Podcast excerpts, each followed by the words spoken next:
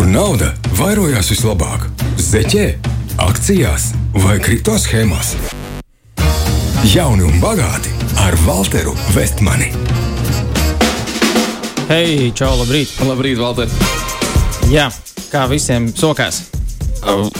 Labi, ja tu prasi, kā sokās, tā tad labi, bet ņemot vērā, ka ir jauna bagāta, vai tu prasi, kā sokās mūsu naudas bagiem? Nu, tik, tik dziļi es laikam uzreiz jau nelīdīšu no sākta gala. Bet uh, šodien tēma mums ir izklausīsies nedaudz sarežģīta, bet īstenībā nav tik traki.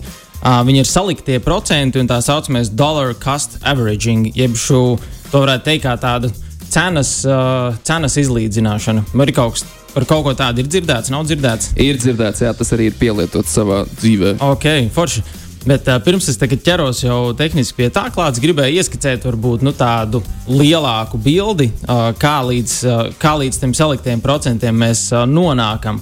Man vispār ir tā, ka man ir viens no hobijiem dzīvē finanses un nauda, un otrs ir uh, sports un fitness. Un es esmu piefiksējis, ka īstenībā sportam un finansēm ir diezgan daudz kopīgas lietas. Un, teiksim, es vienkārši izdomāju tādu salīdzinājumu. Iedomājieties, cilvēks, tu dzīvo, piemēram, dzīvo, dzīvo, dzīvo, īsti par veselību, par sportu ikdienā daudz nedomā. Un vienu dienu nu, pamosties, saproti, tev kaut kas varbūt tās ar veselību nav, var izdarīt mazāk kā līdz šim varēja. Tur nogurums pa, biežāk parādās, uh, saproti, ka nu, kaut kāds liekais svars varbūt ir parādījies arī, nu, gribētu savest sev kārtībā. Un izdomā, o, sākšu sportot, sākšu kaut kādu diētu pamēģināt. Un tā atver vaļā Google un skaties, redz kaut kāds tur raksts, dabū 6,20 dienās. O, aiziet! Sāc, lec tur pāris vīdis, un paiet 20 dienas, 6,5 vēl nav. Nu, labi, kaut kas cits jāņem. Tagad skaties, nu, kaut kādu dīvainu diētu atrodi. Mēģini tur to diētu, dzīvo pašam jau slikti metās, nevar vairs izturēt, atkal nomet malā. Un tad skaties, nu, kaut ko nākamo, un tad šitā tu pamēģini kaut kādas pāris lietas, un beigās uh, rezultāti nedabū nonāca pie secinājuma, ai, visi šie ir krāpnieki, visi tie treneri un dietologi. Un diētas nestrādā, tiem, kas izskatās labi, nu, tiem ir vienkārši labi gēni vai paveicies, nu, man tā nav, un tad dzīvo tālāk. Un uh, īsnībā, ja tu atkal parunātu ar normālu uzturu speciālistu, sporta treneri, endokrinologu vai nu, kādu, kas kā, saprot to lietu, uh, viņš tev jau no sākuma galbūt pateiks, nu, ka tas tā vienkārši nestrādā. Nu, ja tu, piemēram, 10, 20 gadus neesi par sevi domājis, un tu nevari paņemt pāris mēnešus un savest sev kārtībā, un vienkārši tā nestrādā tā lieta. Tas nu, jau pašos pamatos ir nepareizi. Un ar ieguldīšanu ir ļoti līdzīgi. Cilvēki, piemēram, visu dzīvi dzīvo, un viņi izdomā, o, tagad savedīšu finanšu dzīvi kārtībā, sākšu, piemēram, mācīties ieguldīt. Viņi atkal iegūlē, kā tur ieguldīt, kā darīt lietas, un tad ir uh, labas ziņas un ir sliktas ziņas. Labās ziņas ir tādas, ka viņi redz tūkstošiem rakstus un grāmatas un video par to, kā ieguldīt. Un sliktās ziņas ir tādas, ka viņi redz tūkstošiem rakstus un grāmatas un video par to, kā ieguldīt. Un tieši tāpat kā ar tām diētām un sportiem, nu īsti nezinu, no kura gala sākt. Un tad redz visādus iemācies treidot, binārās opcijas, ieguldījumu zelta, sāc ar vienu eiro un tam līdzīgi. Un tad daudziem tas ir kā ar fitnesu, kad tu pamēģini vienu, pamēģini otru, trešo neizdodas, varbūt tās pazaudē naudu, varbūt kaut kur nopelna, bet šausmīgs stress ir un tu liekas, ai, tā ieguldīšana nav man. Tur visi krāpnieki, viss nestrādā, neko nenopelnīja. Bet tāpat tās kā ar veselību, arī ar ieguldīšanu ir tā, ka tas, kas strādā, ir tas, ja tu konsekventi un regulāri dari vienu un to pašu, vienkārši vairāk gadu garumā un diezgan ilgi. Un tad tev ir nu, diezgan tādas uh, jēdzīgas izredzes kaut ko arī nopelnīt tajā finanšu tirgū. Un, uh, tas, ja mēs tā no matemātikas puses skatāmies, vai statistikas puses, tad tas ir finanšu pasaulē tas tā saucamais dollar cost average un saliktie procenti, ko ir vairāk vai mazāk finanšu zinātnieki atraduši, nu, ka tas ir tas, kas ilgtermiņā strādā visiedzīgāk. Un, ja skatās uz uh, ieguldīšanu, tad ir tādi, nu, varētu teikt, tādas divas skolas. Viena, kas ir ilgtermiņa ieguldītāji, un otra, kas ir īstermiņa ieguldītāji. Un, uh, principā, ilgtermiņa ieguldītāji ir tādi, kas mēģina sev izdomāt tādu stratēģiju savai dzīvei, nu, vispār kā jēdzīgi dzīvot un izmantot ieguldījumus savā labā. Un īstermiņa ieguldītāji ir tie, kas cenšas nu, fiksi piepelnīties, ja tā varētu nosaukt. Kad uh, liekas, kaut kur ātri ielikt naudu un kaut kur ātri dabūt, uh, ātri dabūt atpakaļ visi tik uzmanīgi klausās, domāju, vai ir viss saprotams, vai arī nekas nav saprotams. Protams, ka ir saprotams. Protams, es esmu pat piedalījusies visās uh, 30 dienās, visi fitnes un tā tālāk, un tad 15 dienas kaut ko izdari, kaut ko patrenējies, un tad saproti, ai, ai negribas tie 16. dienā neko darīt. Arī Tā tas arī ir tāds paralēls, protams, ar savilkt ar sevi. Okay. Nu jā, jo tieši tā, un tad ķeroties tad pie tiem ilgtermiņa un īstermiņa ieguldītājiem, nu ir tā, ka uh, varbūt tā šausmīgi īsi atkārtošu, kas līdz galam ir tā uzņēmuma akcija. Principā, ja cilvēki nopērk kaut kādas akcijas, tad tas nozīmē, ka viņš ir uzņēmuma līdzīpašnieks. Tas nozīmē, ka tev pieder daļa no uzņēmuma, un tu pelni principā divos variantos. Viens ir, ja uzņēmumam aug vērtība, tas nozīmē, ka akciju vērtība paliek lielāka, un uh, atkal, uzņēmums pelna naudu, tad tev pienāks daļa no peļņas, kas gudri runā jau caur dividendes. Un uh, tad ir varbūt jautājums, kāpēc tā akcija vērtība staigā uz augšu, uz leju. Nu, ja skatās finanšu teorijās, tur gudras formulas, tad ir tā, ka nu, tā uzņēmuma vērtība šodien ir balstīta uz kaut kādu naudu, ko viņš nopelnīs nākotnē. Bet nu, realitāte ir tā, ka nu, neviens jau nezina, cik tas uzņēmums nākotnē precīzi to naudu nopelnīs. Um, un jo regulāri arī pasaulē notiek viss kaut kas, kas līdz šim vēl nav noticis, un līdz ar to nu, kaut kādi tie tavi pamatojumi, aprēķini vai minējumi, nu, viņi vienkārši ir izgāzties, jo notiek kaut kas, ko tu nebija paredzējis. Un, uh, un, piemēram, tāds viens piemērs, kas man nāca prātā, ir, uh, nu, teiksim, ka cilvēki mēģina noteikt cenu, nu, pieņemsim, kaut kādām naftas uzņēmumiem. Un vieni redz ziņās, lasa, oi, tur Lībijā streiki, apstāsies naftas piegāde, būs naftas trūkums, celsies naftas uzņēmumu cenas līdz ar to, un, jo uzņēmumi pelnīs vairāk, tā tad jāpērk naftas uzņēmumi. Otrā pasaules galā cilvēki lasa, piemēram, ASV ekonomika bremzēs, cilvēki tūlīt zaudēs darbu. À, tas nozīmē, ka viņi mazāk brauks ar mašīnu uz veikaliem, mazāk tērēs degvielu. Tā tad pieprasījums pēc naftas būs zemāks, uzņēmumiem vērtība kritīs. Tā tad nevajag tos naftas uzņēmumus. Un tad cilvēki dažādos pasaules nostūros šitā min uz vienu un uz otru pusi. Un ir realitāte tā, ka ilgtermiņā šie minējumi izlīdzinās un paliek pa nulēm. Vienreiz vieniem ir taisnība, otrreiz otriem ir taisnība.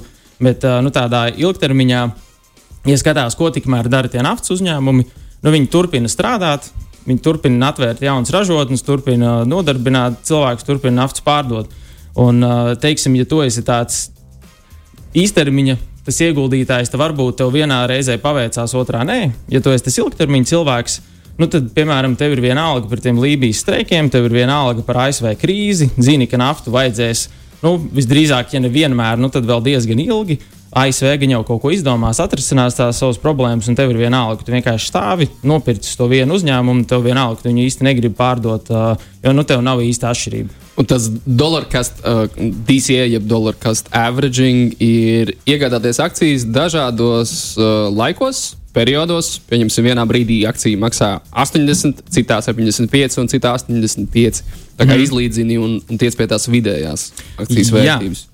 Jā, tieši tā. Ir tā, ka ar to dollar cost average ir tā, ka nu, var iztēloties, piemēram, tādu kalnu grēdu. Ir kalni vienā pusē iet uz augšu, tad viņi iet uz leju, tad atkal uz augšu, tad atkal uz leju. Un tas ir principā tas, kā finanšu tirgus arī tipiski izskatās. Viņam ir tāda tendence iet uz augšu, bet nu, tur ir ik pa brīdim kaut kādi kritumiņi.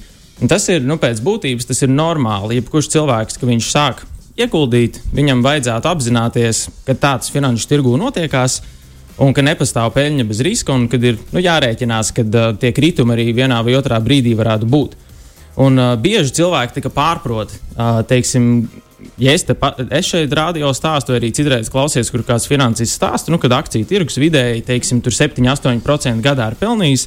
Daudziem liekas, ah, ok, tā tad es sāku ieguldīt, katru gadu man konstanti augstie 8%, bet tā īsti nav ir uh, tas, ka tieši kā jau Mārtiņa tikko teica, kad vienu gadu, piemēram, viņš nopelna akciju tirgus 10%, nākamajā gadā tur uh, 20%, nākamajā gadā tikai 2%, nākamajā, piemēram, vispār nokrīt tur mīnusos kaut kādos, kā tas šobrīd ir bijis. Un tas, ir, uh, nu, un tas ir normāli. Un tad, teiksim, tā 10, 20 gadu griezumā, nu, tu to vidējo dabu. Ok, uh, laiks paklausīties uh, īsi dziesmu, un tad jau arī turpināsim. Jauni un bagāti ar Walteru Vestmanu. Kur nauda vairojās vislabāk?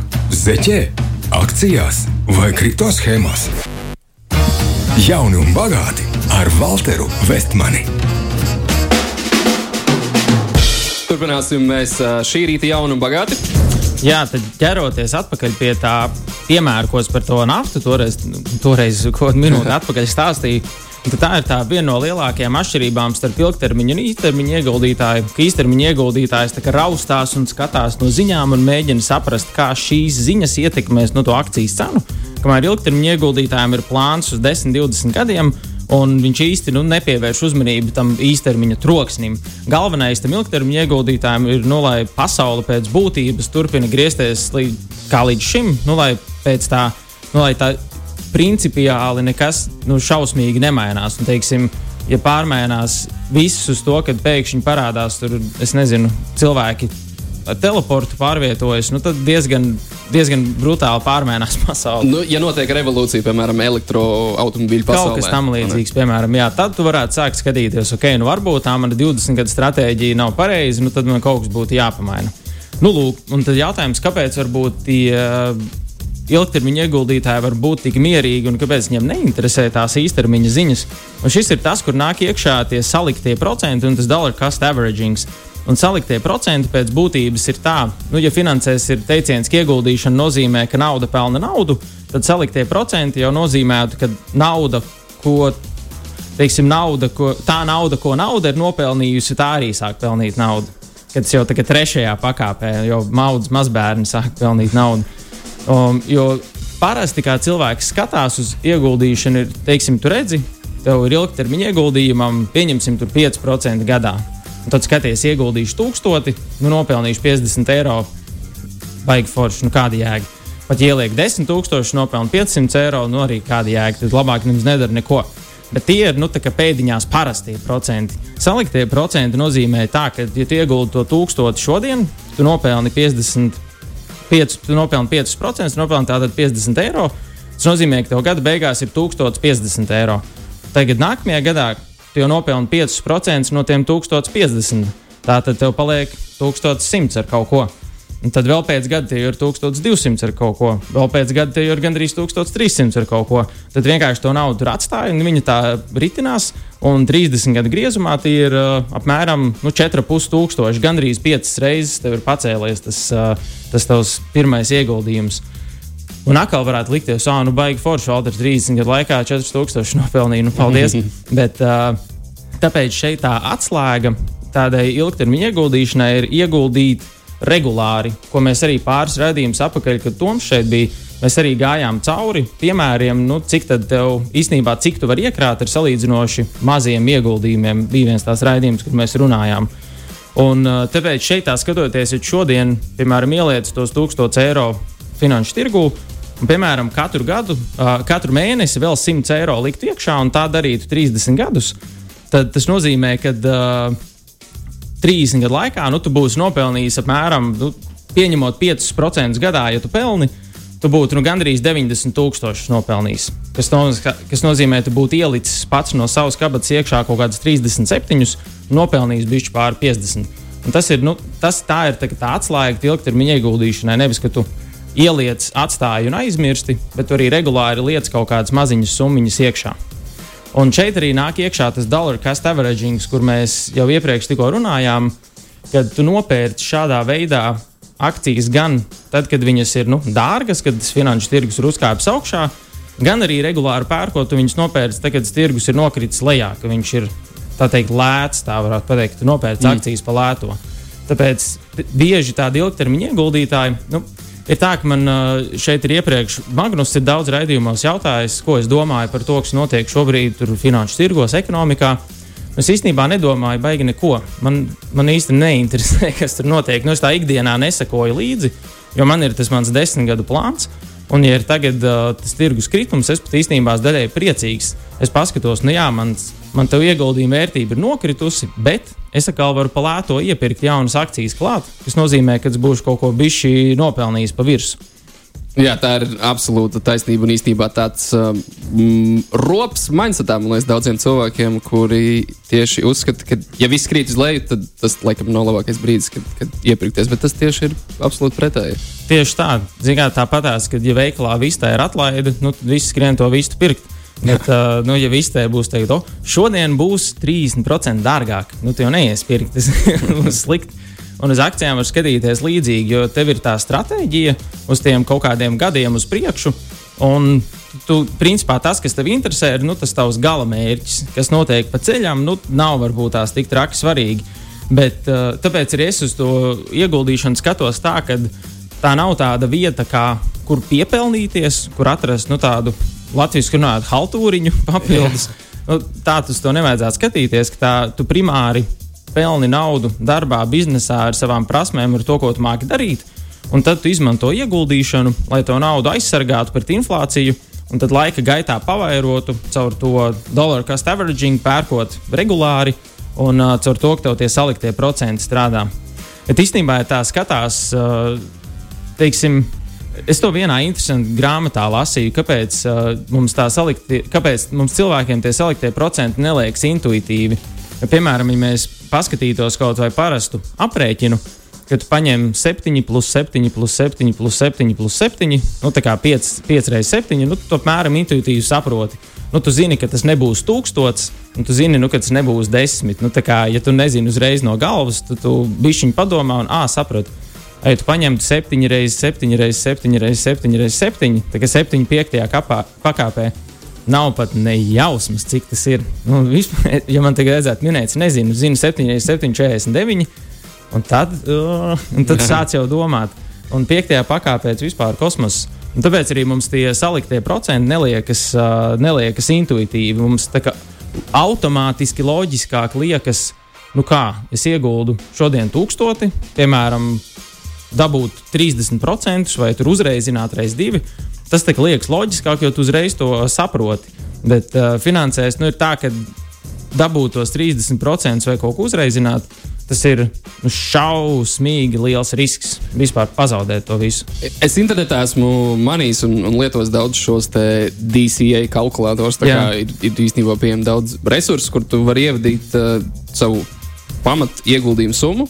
Un, regularitāti, cik bieži tu, piemēram, to papildini, un uh, redzēt, pēc cik ilga laika tavs ieguldījums uh, kā tas izskatīsies nākotnē, ja tu izmantos to mm. DCA, jeb dollar cost averaging stratēģiju. Tie kalkulatori, es tagad uh, domāju, ne, viņi ir pilns visās malās. Tie, kurus to es skaties, viņi kaut kādu pie, paņem par pamatu kaut kādu konkrētu tirgu Jā, vai arī. Tu ievadīji aptuveno procentu likmi, cik tu pelni gadā. Jā. Un uh, cik bieži tu papildini šo investīciju mm. ar kādu summu?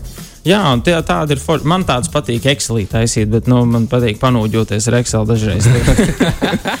bet uh, tie, tos kalkulatorus, jā, ja viņus pameklē, tie dollar cost average kalkulators, tad uh, noteikti var visādas interesantas un uh, foršas lietas atrast. Jā, jo, ja tu redzēji, Nu, kā tu teici, ka tev ir savs galamērķis. Katram mm. cilvēkam tas droši vien ir kaut kāds savs vecuma posms vai, vai, vai brīdis, kad viņš sevi tajā redz. Un nu, ir forši vienkārši redzēt to ciparu.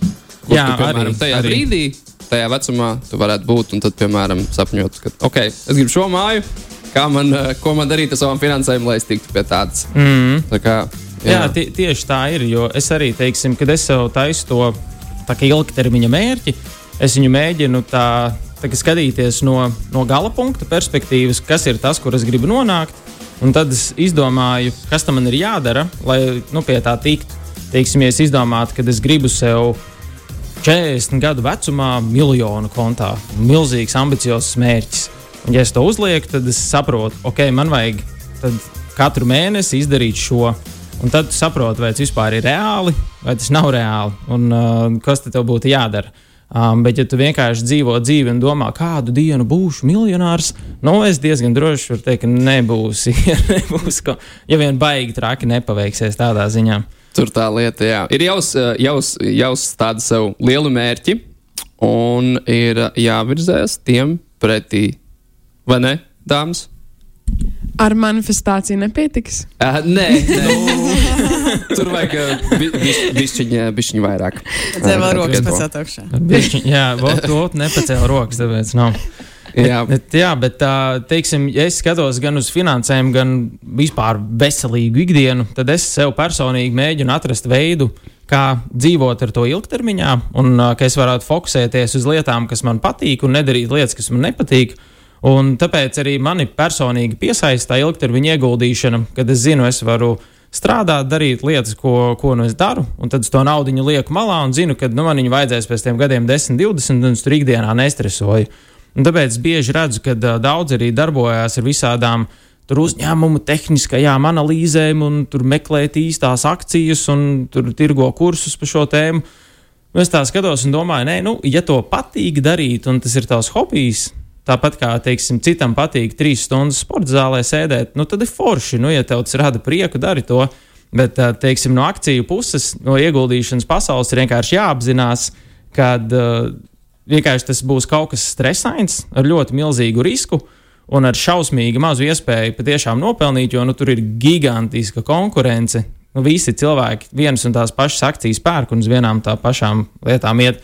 Tāpēc daudz labāk, manuprāt, daudz lielāks izredzes nopelnīt ir, ja tu iemācies naudu nopelnīt un izmanto tādu ilgtermiņa ieguldīšanu kā rīku, kā to naudu vienkārši aizsargāt un pavairot laika gaitā. Okay, paldies, Valter, tev, ka atnāci pie mums šorīt. Šo raidījumu arī var dzirdēt straumēšanas servisos, podkāstu formā, un ar tevi jau mēs tiksimies pēc Pēc divām nedēļām. Divām Nākošais nedēļas nedēļām. nebūs, diemžēl. Jā, jā paldies tev, Valter. Lai forša pirmdiena. Paldies, čau! Jauni un bagāti ar Walteru Vestmani.